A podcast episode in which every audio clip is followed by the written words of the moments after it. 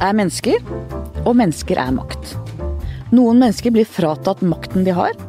Andre gir den fra seg, helt frivillig, og til stor forundring for omgivelsene. Tidligere landbruksminister, arbeids- og inkluderingsminister og helseminister Bjarne Håkon Hansen, velkommen. Takk skal du ha. Da du i 2009 forlot politikken, gikk du rett til PR-byrået First House. Det har du fått mye kjeft for, også her i VG. Det skal vi komme tilbake til. Men først. Du brukte mer enn 30 år av livet ditt på politikk, nær døgnet rundt.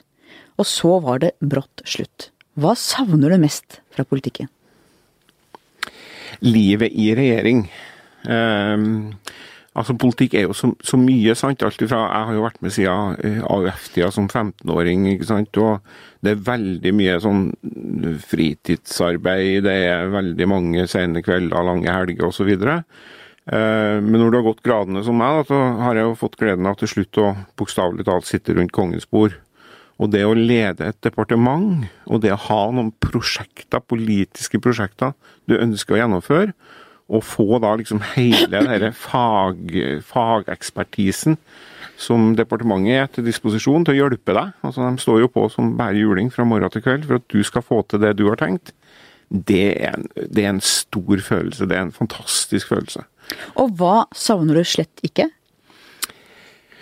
Jeg syns mange av de eh, debattene er litt sånn uh, fordummende. Altså, Man veit hva folk skal si? Jeg vet akkurat hva folk skal si, og folk vet akkurat hva jeg kommer til å si. Og det er liksom det er i veldig liten grad uh, fører Norge fremover. Hvorfor er det sånn? Er det fordi at man ikke klarer å tenke ut av boksen? Fordi man ikke hører hva de andre sier, eller hva, hva handler det om? Det er vel litt sånn, altså, det blir jo fort et rollespill, sant? Altså, I den forstand at uh, posisjonen må nå si det posisjon må si. Altså, du, når du sitter i regjering, så har du noe der statsbudsjettet du må forholde deg til, og de pengene du bevilger, må være ordentlige penger. Når du sitter i opposisjon, så har du fort litt løsere rammer. Du, skal, du, kan, du kan tørre å kjøre saker litt mer tøft, for du vet at de sannsynligvis ikke skal gjennomføres. Uh, og Da blir det fort et rollespill. Eh, og da, da, er det sånn at med en gang, med en gang nå Høyre og Frp, den dagen de er tilbake i Stortinget, så vil jo de begynne å mene ting de ikke mener i dag. Eh, og omvendt. Jonas og folka vil eh, begynne å mene ting i regjering som de ikke mener i dag. Og det der, Sånn må det antageligvis være. men mm, Og det har sin sjarm, det også, valgkamp og alt det der, men det er noe av det, noe av det du savner minst. da. Mm. Politikkens vesen. Mm. Du var vil jeg si, den mest folkelige politikeren Arbeiderpartiet har hatt i nyere tid. Eh, tidligere partisekretær Martin Kolberg var fortvilt over at mange klassiske Ap-velgere gikk til Frp. Og du vant på en måte hva skal si, Ap-velgeren i campingdress. Mm. Eh, hva er det med deg som gjør at du ble opplevd som så folkelig? Nei, For det første så vil jeg jo si at det finnes verre ettermæler å ha. da, Så jeg er nå glad for, eh, glad for at, at, det der fortsatt sies. Uh, altså, jeg er altså uh, Jeg er vel sånn, da. Altså, rett og slett. Altså, jeg er jo sønn av uh, ei som satt i kassa på samvirkelaget. Og en far som var fiskeskjønn, og som jobba med regnskap og butikk i, i Namsos. Og, og som ble tidlig far, farløs? Ja. Farfaren din døde tidlig? Ja, Så har faren din måtte jobbe? Ja. Eh, så, så, farfaren min var jo fisker, og morfaren min var skogsarbeider. Det, det, er jo vanskelig å ikke få til noe mye annet enn vanlige folk av det der, da. ikke sant? Hele tradisjonen min er det. Eh, så tenker jeg at, jeg tenker at det som eh, det som jeg tror har vært min styrke, da, det er at jeg har alltid vært veldig opptatt av kommunikasjon. I den forstand at, at jeg er veldig opptatt av å prøve å ha et språk som er sånn at eh, det er forståelig. Uh, du er tabloid på en måte? Ja, på sin beste ja, måte? Ja, på en måte. Og, og, og, har jo heller ikke noe veldig sterk ikke sant? Jeg har en lærerskoleutdanning, men har ikke en veldig sterk akademisk bakgrunn. Så jeg har, har jo Språket mitt er fra kommunikasjon med folk. Uh, og jeg setter litt sånn æren min i det òg. Altså, og det har vært utrolig spennende egentlig ta f.eks. pensjonsreformen, som, som, er min store, store reform. Uh, det å forklare den Og det er ikke enkelt? Det er ikke enkelt. Og jeg bruker å si til folk som jeg møter at gi meg fem minutter, skal du forstå folketrygden. Og det klarer jeg. Jeg klarer faktisk å forklare, forklare pensjon og folketrygd på fem minutter. Eh, og folk sier nei, nei, det går ikke an. Nei, men gi meg fem minutter av livet, så skal jeg forklare deg folketrygden. Og Klarer du det på ett minutt for våre lyttere nå? Ja, altså det er jo det nye pensjonssystemet er veldig enkelt i den forstand at alt du tjener gjennom livet, det går inn i en pott med penger. Eh, og når du nærmer deg pensjonsalderen, altså ca. 62 år, så eh, går vi inn og sjekker hvor lenge kommer ditt kull sannsynligvis til å leve. Og hvis du, da skal, hvis du da sannsynligvis blir kan du si, 90 år, så skal du ha pensjon fra du er 62 til du er 90, altså i 28 år. Og Da tar vi summen du har tjent opp gjennom livet og deler på 28, og da finner vi årlig pensjon. Og Hvis levealderen da stiger for din generasjon, så blir dette tallet vi deler på større. Og så kan du velge å stå lenger. Og så kan du velge å stå lenger og jobbe potten større. Så Det er et veldig enkelt system. Og dermed så kan du også fritt kombinere deg mellom å arbeide og, arbeid og pensjon, som du sjøl vil. Tilbake til barndommen. Ja. Du var eh, enebarn. Ja. Savna du søsken? Jeg har eh, blitt spurt om det mange ganger, men jeg kan ikke jeg husker det. Altså, for det er noe med at du kan ikke savne noe du ikke vet hva er. Men jeg husker det at, at jeg, eller jeg, altså jeg, jeg har nok vært bevisst på at mine barn ikke skulle bli enebarn. Så, jeg har jo Så du har fire. fått mange? Ja, fire. Uh, og dem, dem ser jeg har det veldig artig i lag, da. Uh, uh, men jeg har ikke, kan ikke gå rundt og si at jeg har savna det. Ble du bortskjemt, eller?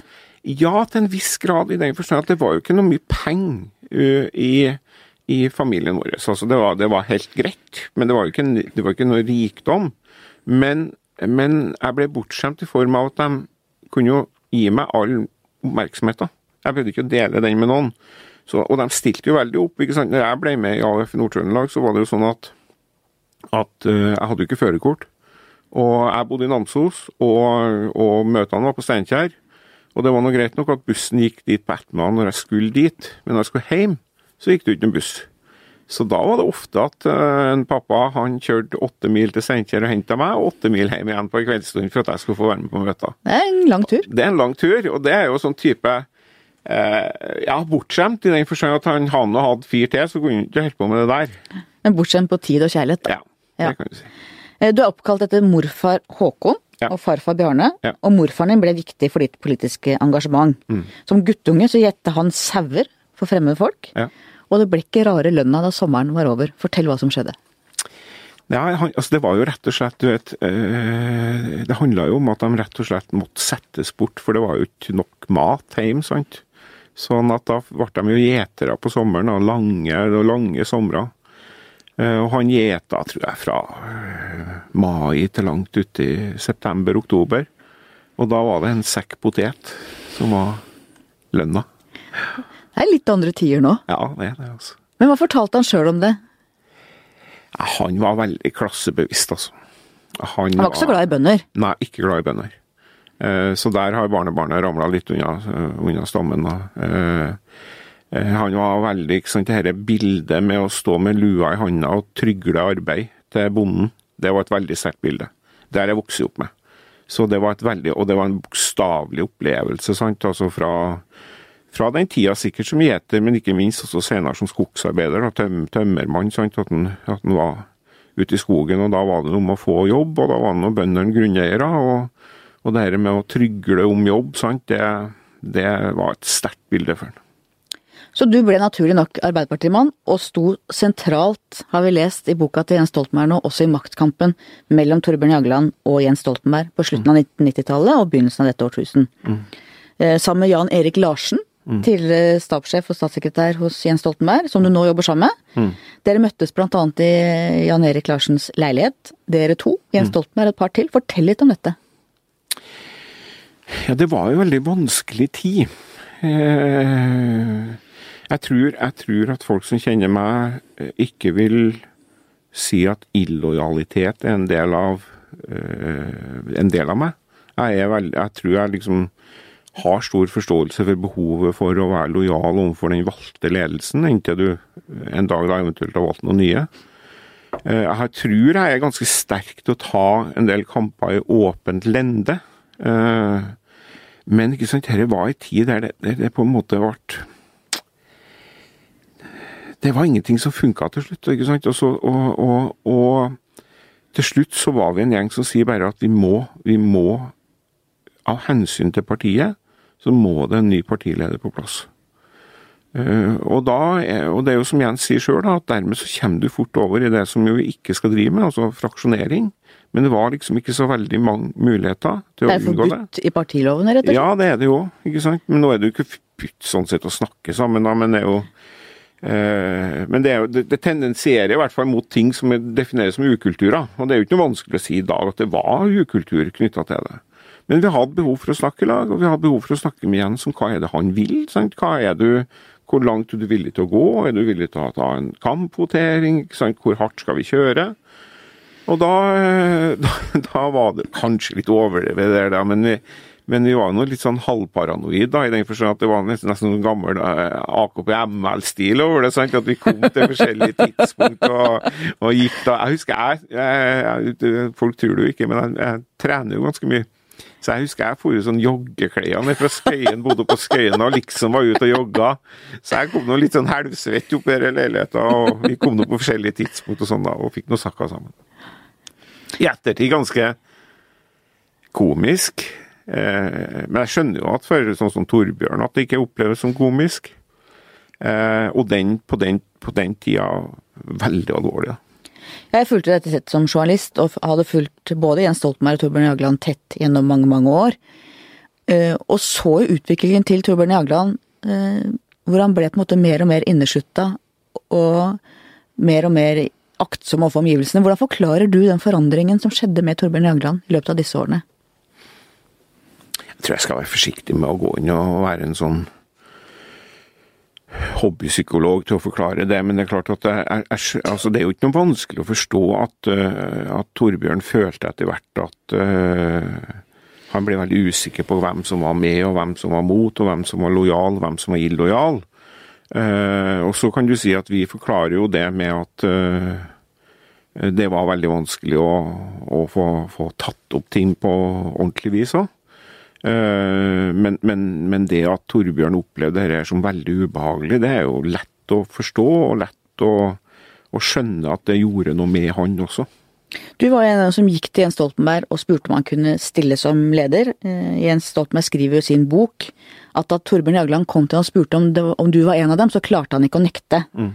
Eh, han blåste deg på en måte, mm. og du havna på Jaglands svarteliste. Mm. Og måtte be om unnskyldning mm. til Jagland for å få jobben som Arbeiderpartiets helsepolitiske talsmann i Stortinget. Mm. Hva tenker du om det i ettertid? Jeg tenker at det egentlig var ganske skvært i den forstand at det er viktig å si at jeg sa ikke unnskyldning for, for standpunktet mitt. Men jeg sa unnskyld for at jeg ikke hadde hatt uh, mot nok til å være åpen kilde. Det var, jo, det var jo VG som var, som var den avisa jeg hadde snakka med.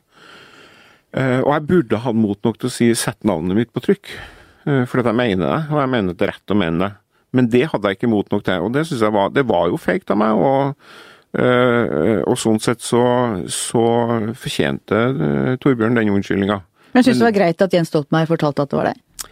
Nei, jeg, var jo jævla irritert på Det er jo håpløst, det Jens. Jeg husker jeg sa til henne, det er jo håpløst det Jens, hvis du behandler dine folk på den måten. Ja, du var forbanna? Ja, jeg var forbanna, kan du skjønne.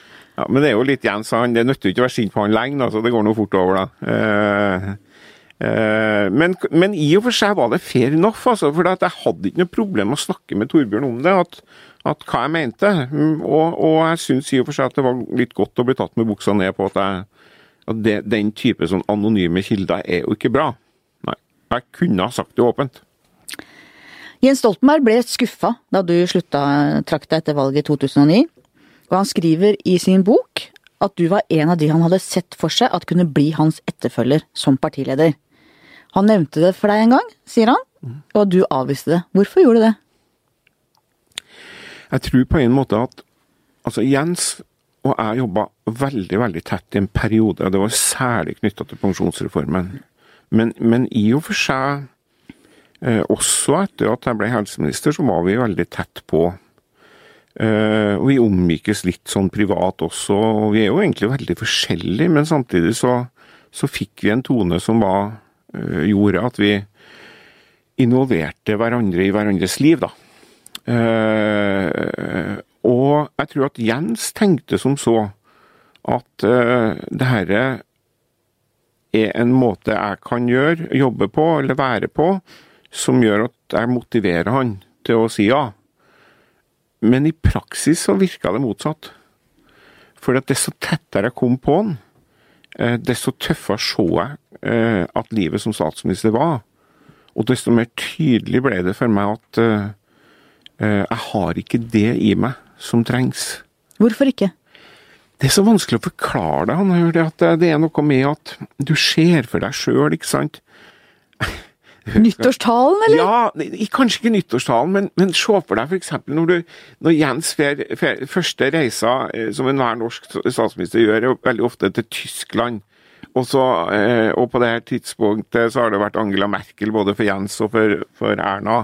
Og så ser du for deg når jeg går forbi de soldatene og sprader oppover der. Så tenker jeg vet du, det der er ikke meg. Jeg kan ikke holde på sånn.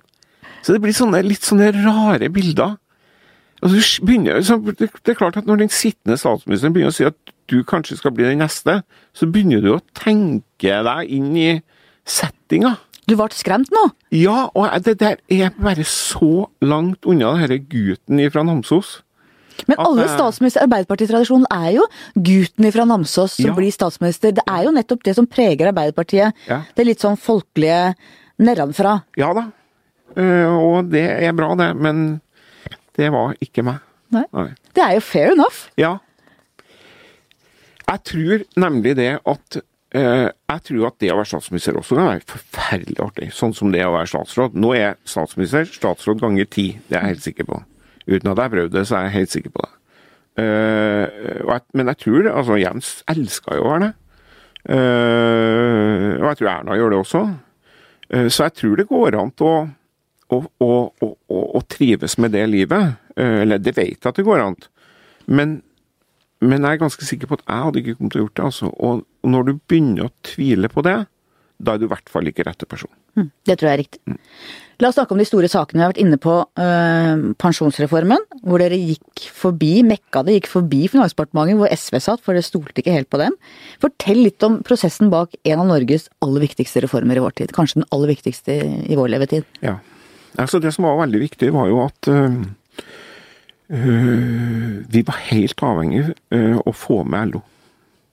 Altså, vi, det var helt umulig både for oss men også for en borgerlig regjering, tror jeg. Så Se for deg enten Bondevik eller, eller for den del Erna Solberg.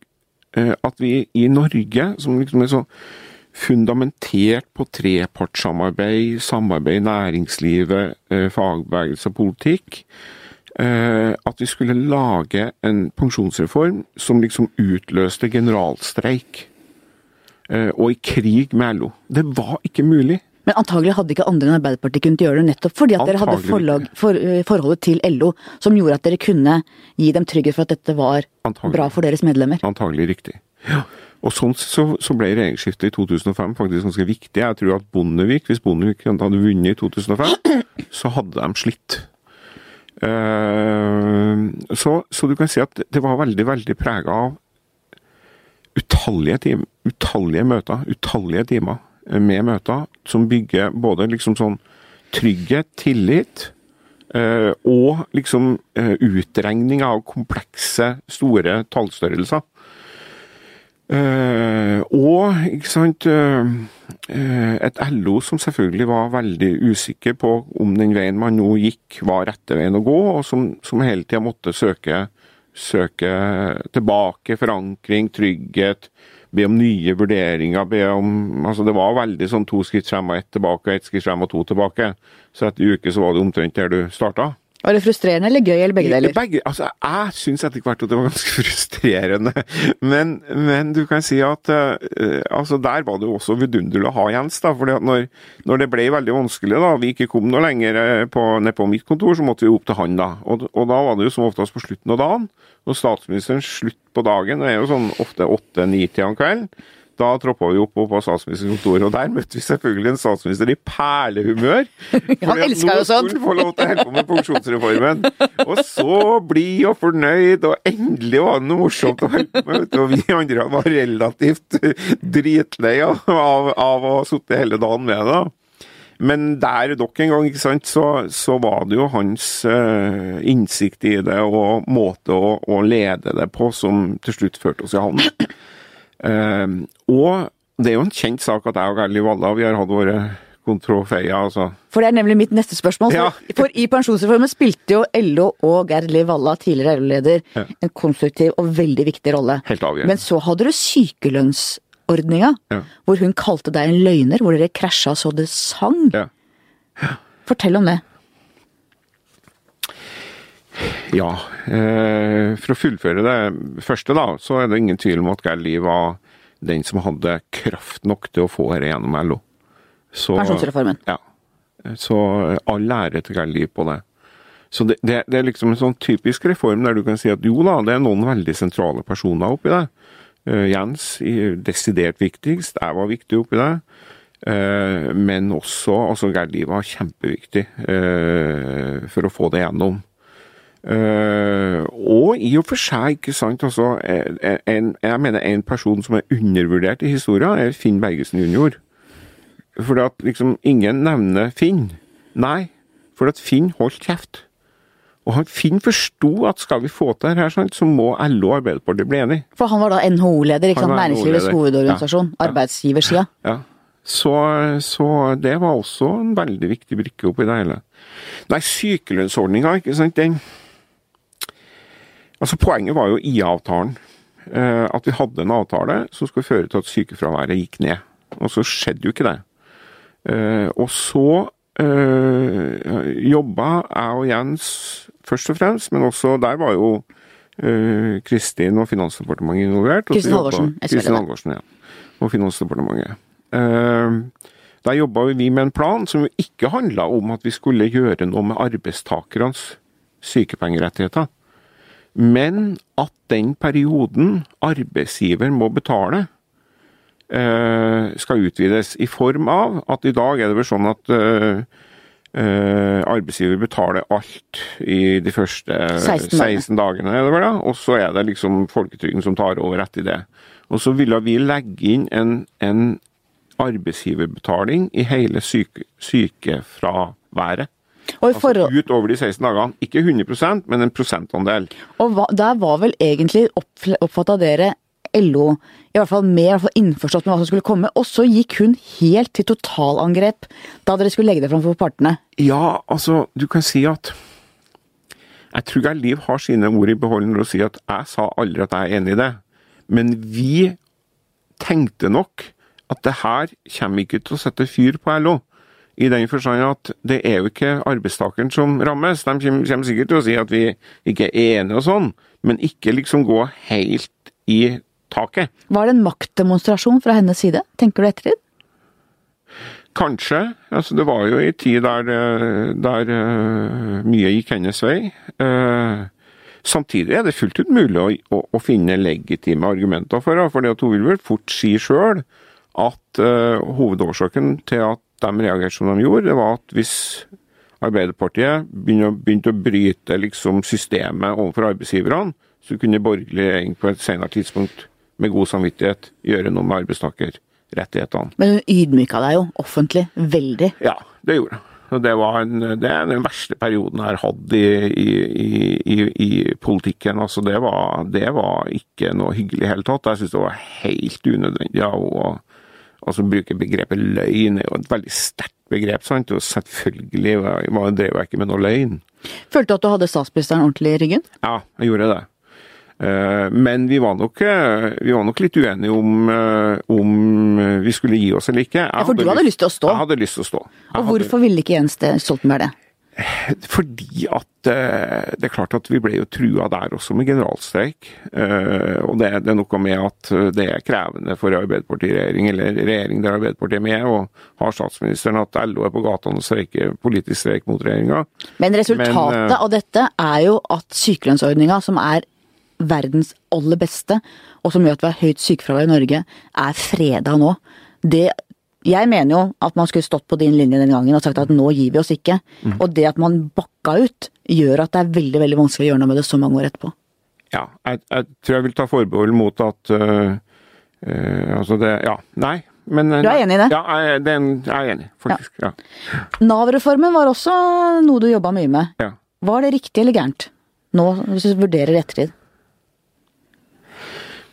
Jeg tror kanskje at det eh, ikke burde ha vært gjort som det ble gjort. Jeg tror kanskje at vi burde ha holdt hele denne pensjonsbiten unna. Og Er det mulig å reversere det nå? Nei, og det tror jeg blir bare tull. Altså det, fordi at nå, er, nå går det ganske bra. Uh, altså, uh, de har faktisk begynt å få det til, tror jeg. Uh, Jeg hadde jo Sigrun Vågeng, Nav-sjefen Ja, her. ja. Hun virker som en som er Ja. veldig klar for å få ting på stell. Absolutt.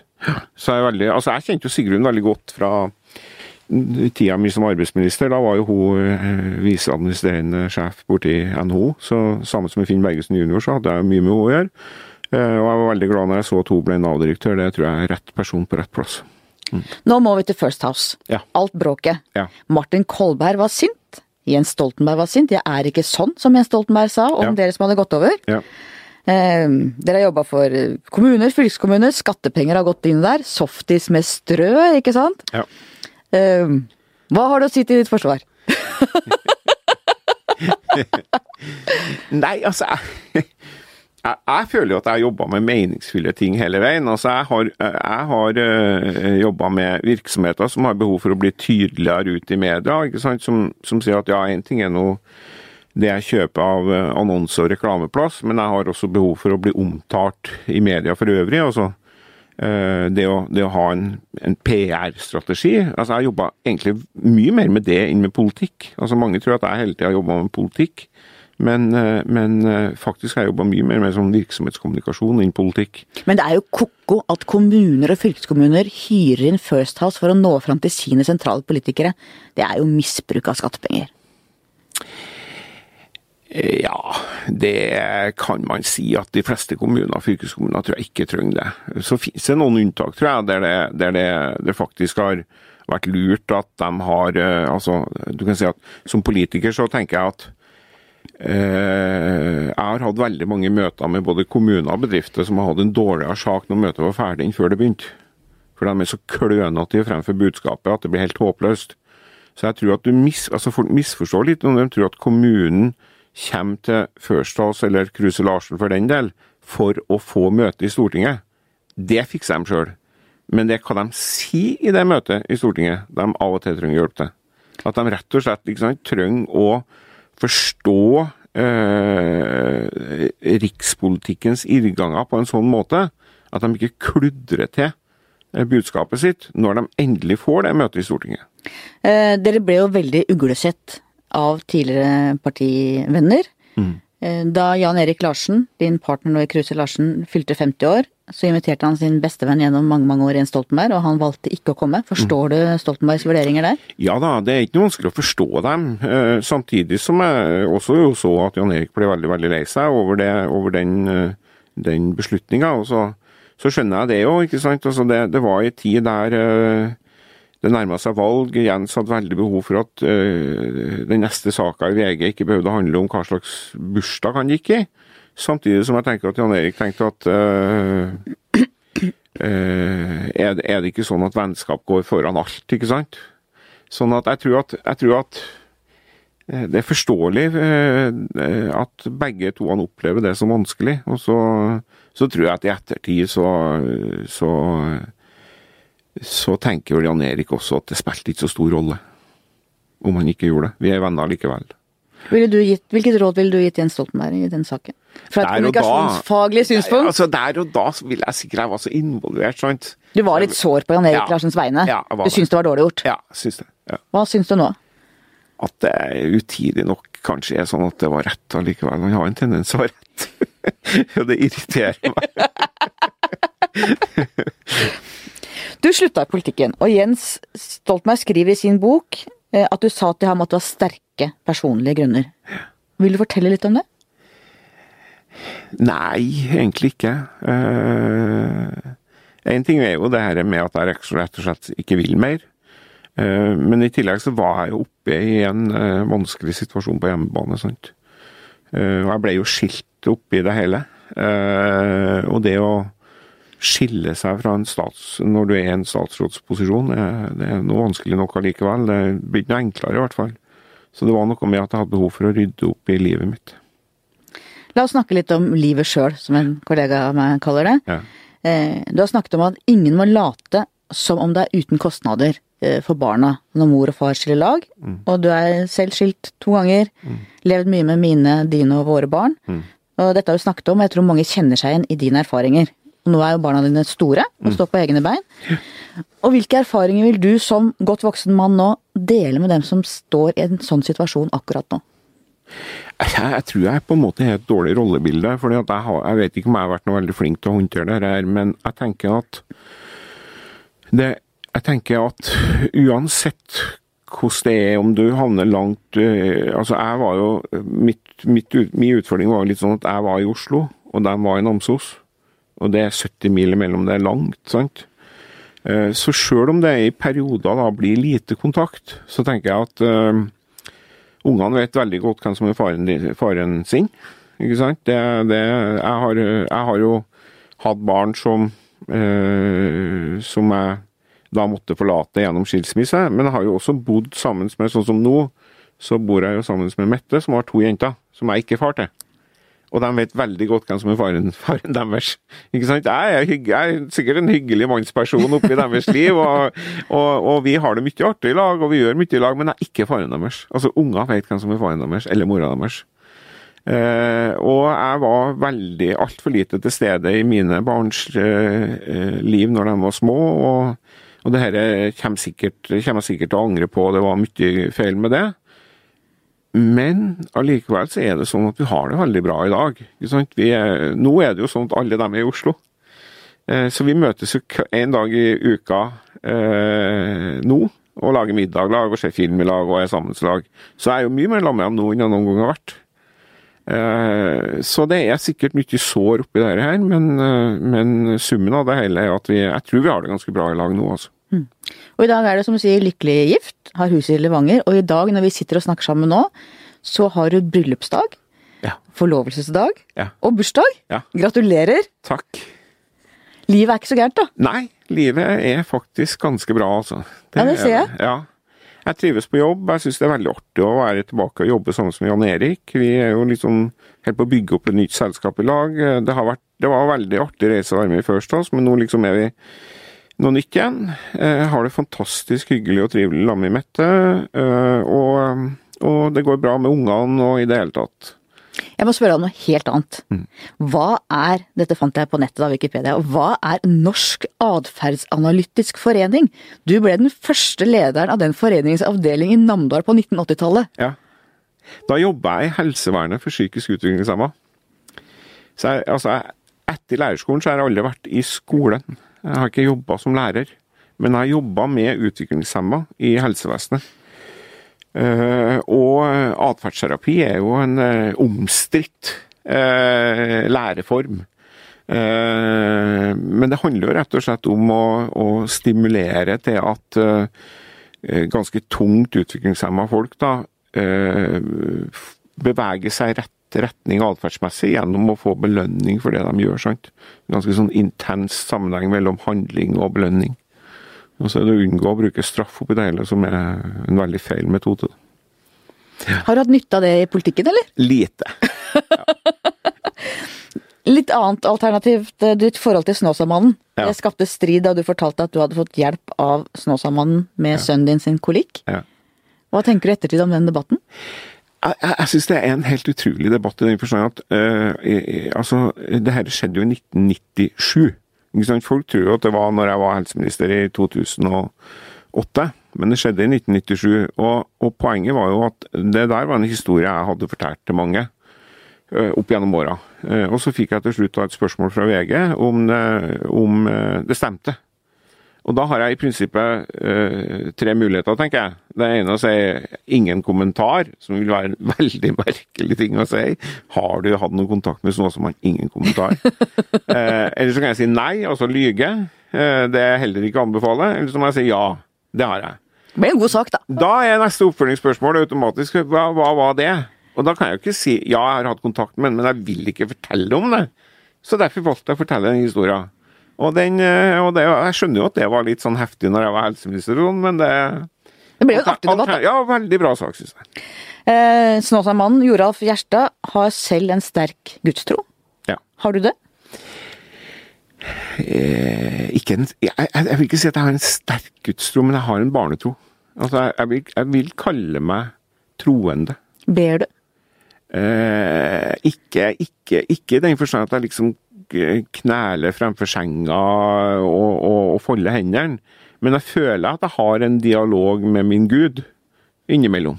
Når det trengs? Når det trengs, liksom. Ja. ja.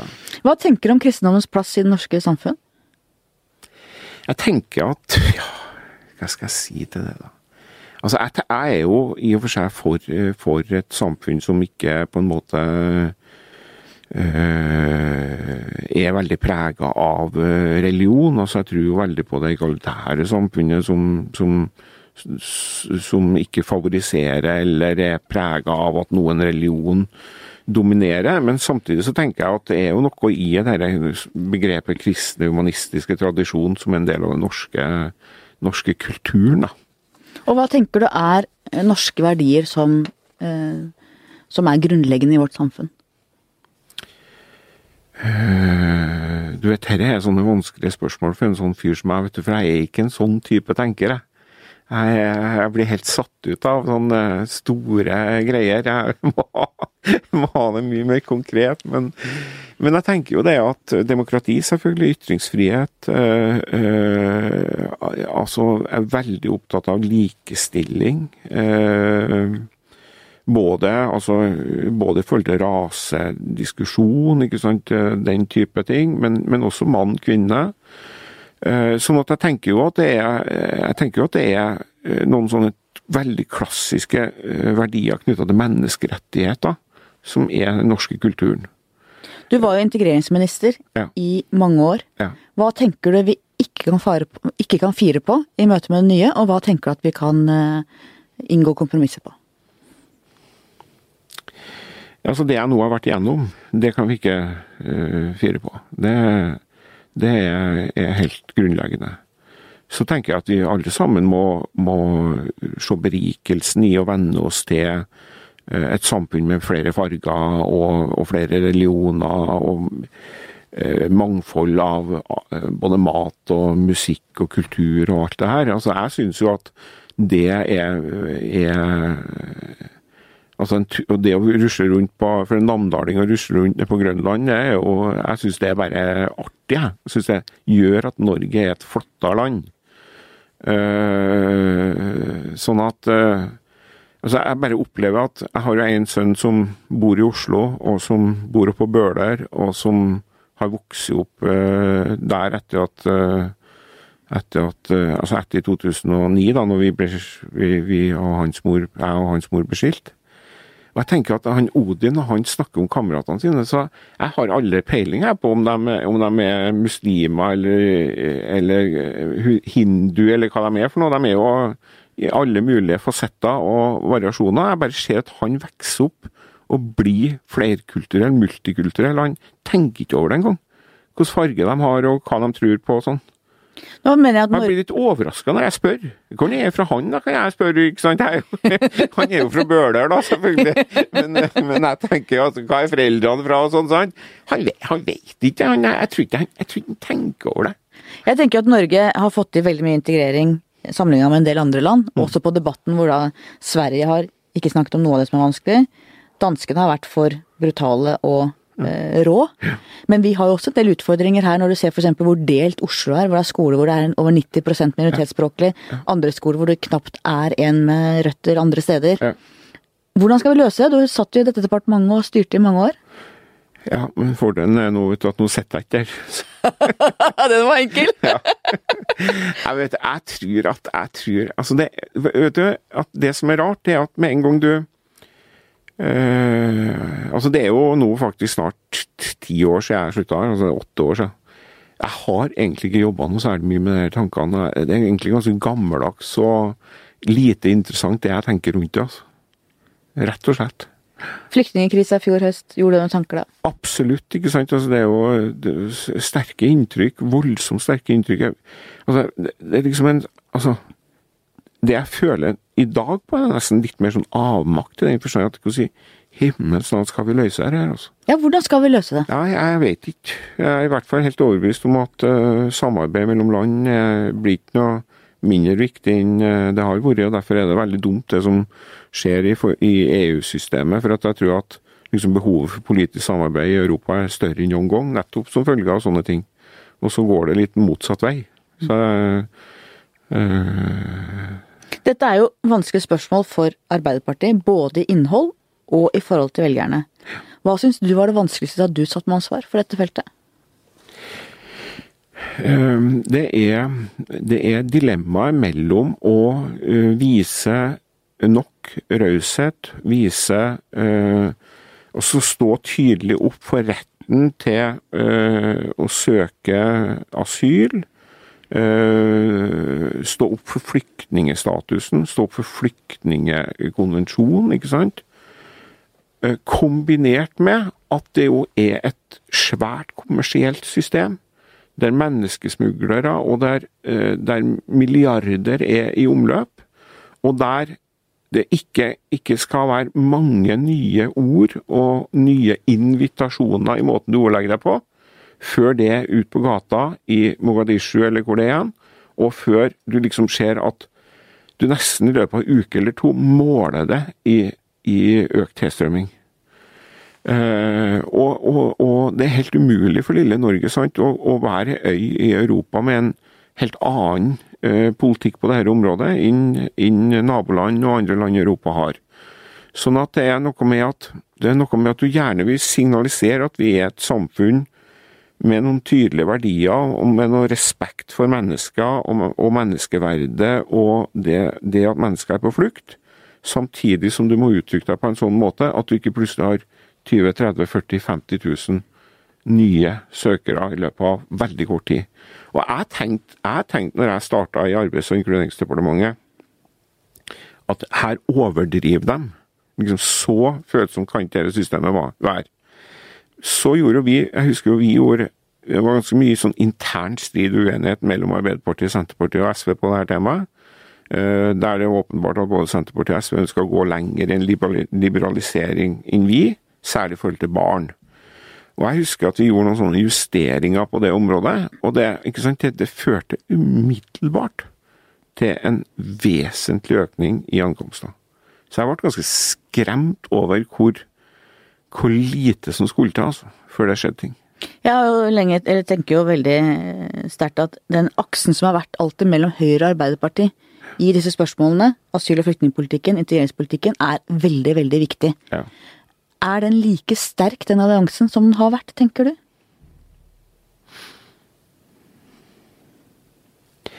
Ja, jeg tror vel egentlig det. Altså at jeg tror at øh, øh, Hvis det virkelig blir viktig, så tror jeg at Arbeiderpartiet og Høyre vil evne å finne fram sammen på dette området. Øh, men akkurat nå har vel i og for seg Høyre gjort Høyres viktigste bidrag den siste tida har jo vært å få, få øh, Fremskrittspartiet mer inn i, i, i folden enn de jo noen gang har vært. Og det syns jeg er interessant, at egentlig er det Frp som har flyttet inn i den brede konsensusen som har vært, riktignok med en helt annen retorikk, men like fullt er jo mange av forslagene det som Arbeiderpartiet sto for og kjempa internt for i den rød-grønne regjeringa, det er den samme politikken. Ja, Det er interessant. Ja, Det er det. Altså, du vet, jeg, jeg satt og tenkte på det at det forbauser meg og at det er så lite debatt om det kvantespranget som Frp har tatt i løpet av fire år. Altså, Jeg satt og hørte på Siv Jensen holde talen til statsbudsjettet nå i høst. Så bare så jeg for meg en øvelse der jeg kunne si at jeg hadde tatt en kopi av den talen, og så, og så kunne jeg reist tilbake i tid og sagt til Siv Jensen eh, våren eh, før, før valget i 2013 og sagt at denne talen kommer du til å holde om fire år som finansminister. Tror du ikke det? Hun ville ha sagt helt utenkelig. Hun ville, ha avvist, hun ville fullstendig ha avvise tanken på at hun ville ha holdt den talen som finansminister. Men er det bra for norsk politikk at Frp, på samme måte som SV ble en rødregjering, at Frp blir ansvarliggjort? Ja, på en måte er det det. På en annen måte så tenker jeg at det er synd at ikke velgerne straffer dem enda hardere.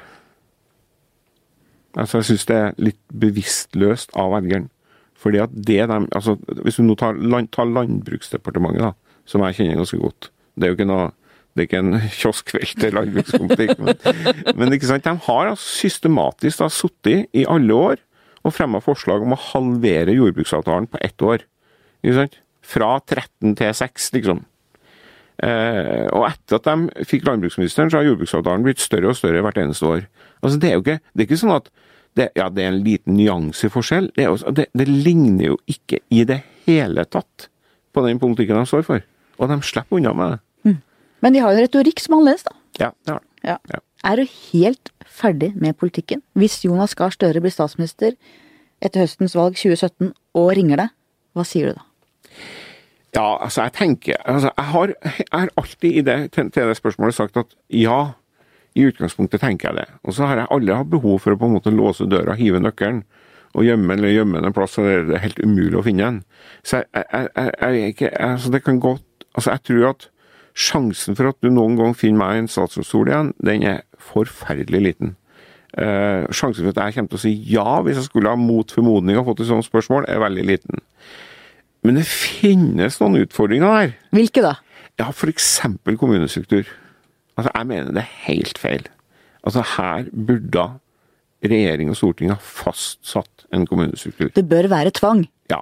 Det, Åpenbart, det er jeg helt enig i. er helt åpenbart. Det blir bare tull, det som skjer nå. Men hvorfor har Arbeiderpartiet plutselig gått bort fra det og blitt helt sånn freestyle anarki-ish? Nei, det er jo for det første ikke sikkert de er enige med meg. da, ikke sant? De rett og slett altså, de mener at det er riktig det som nå skjer. altså at det, det, det, det, det er jo det er jo absolutt lov for Arbeiderpartiet å være uenig med Hansen. Og omvendt. Og omvendt. Eh, Men for det andre så er det klart at, at det som vi starta med innledningsvis, at dette er et rollespill mellom opposisjon og posisjon. Og opposisjonen har jo ingen interesse av å hjelpe Jan Tore Sanner med å lykkes med reformen. Så Jo, men i denne sammenheng så ville jo, hvis de hadde hjulpet til, så hadde jo kommunekartet vært klart til de eventuelt tok over i 2017. Det er veldig rart. Ja. Jeg syns det er veldig rart. ja da, men det, det, Og det syns du det må du spørre dem om. Men du er enig med meg? Jeg er uenig med dem, ikke Ja. sant, i hvert fall. Ja. Men jeg er jo også uenig med regjeringa, i den forstand at jeg syns dem også er feige. ikke sant? Alle er chicken her. Alle Ja. er kyllinger. Her skulle vi ha gjort som i 68, eller når, det var. Ja. Skei-kommisjonen. Ja, Ja. Skei-kommisjonen og hele greia. Det var før 68. Ja. 263, 64. 60-tallet. 60-tallet! og hvis det hadde blitt et, hvis det hadde vært mulig å få igjennom noe sånt, Da tar du jobben. da tar jeg jobben. Hører du Jonas Gahr Støre, da tar han jobben. Ja. Til slutt, mitt faste spørsmål. Hva skal bli historien om deg? Bjarne Håkon Hansen, det var han som Var med på å lage den nye folketrygden. Det er ikke noe dårlig ettermæle. Nei, hvis det blir ettermæle, da blir jeg stolt, altså. Ja. Så jeg bygger opp under den historien sjøl òg. Som en god kommunikasjonsstrateg. Ja. veldig bra. Ja. Tusen takk for at du kom. Veldig hyggelig. Takk til deg som hørte på. Del oss gjerne på sosiale medier. Takk til vår faste produsent, Magne Antonsen. Vi høres igjen neste uke.